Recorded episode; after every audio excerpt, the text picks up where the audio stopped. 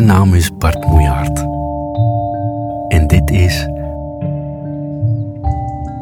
de baas van alles. De hond in het verdriet.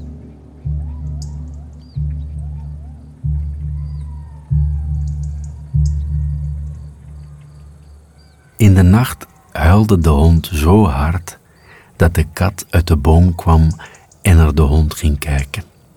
Op nog geen poot van zijn oor af ging ze zitten en ze fluisterde hem moed in. Ze zei dat hij zich sterk moest houden.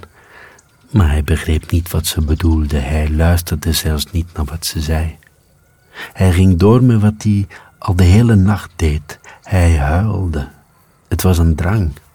Dat was aan hem te horen en te zien. Hij krabbelde iedere keer weer overeind, kreeg een ruk van het strakke touw, krom dan in elkaar van de pijn. Als hij huilde, keerde hij zijn kop naar de hemel. Hij huilde heel hoog en in de richting van de maan, alsof zijn baas daar woonde. Het was niet om aan te horen, zoveel verdriet als hij had.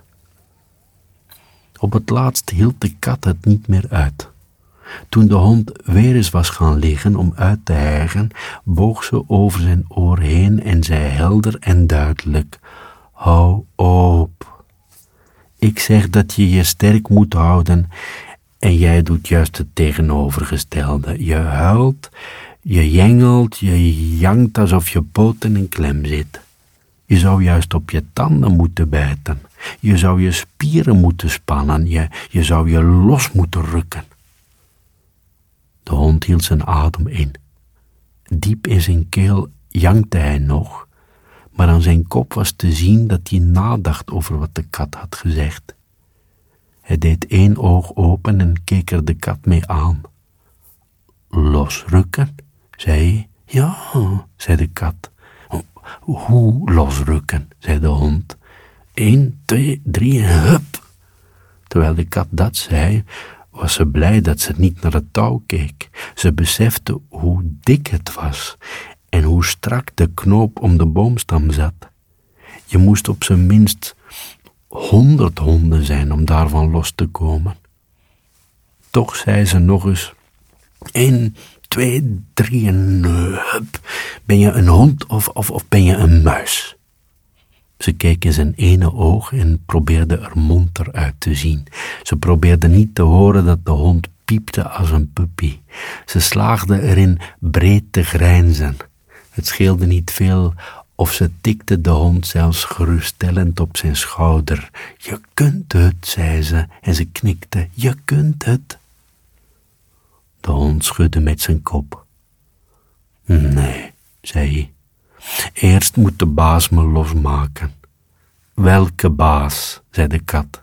De mijne, natuurlijk, zei de hond, en hij jankte alweer zachtjes. Hij besefte dat hij niet wist waar zijn baas was en of hij ooit terug zou komen. Je moest heel hoog kunnen springen om boven de bomen uit te kijken. Dan zag je de baas in de verte, misschien. Hij was op komst. Waarschijnlijk was hij op komst. De kat keek in het oog van de hond en bleef glimlachen. Ze glimlachte nog steeds toen de hond met een ruk overeind ging zitten en nog eens tegen de maan zong. Iedereen in de omtrek hoorde het. De kat zelf die vlak naast de hond zat, de uil die de hond van bovenaf zag, de vos in de verte en de mot die tegen de lamp aantikte.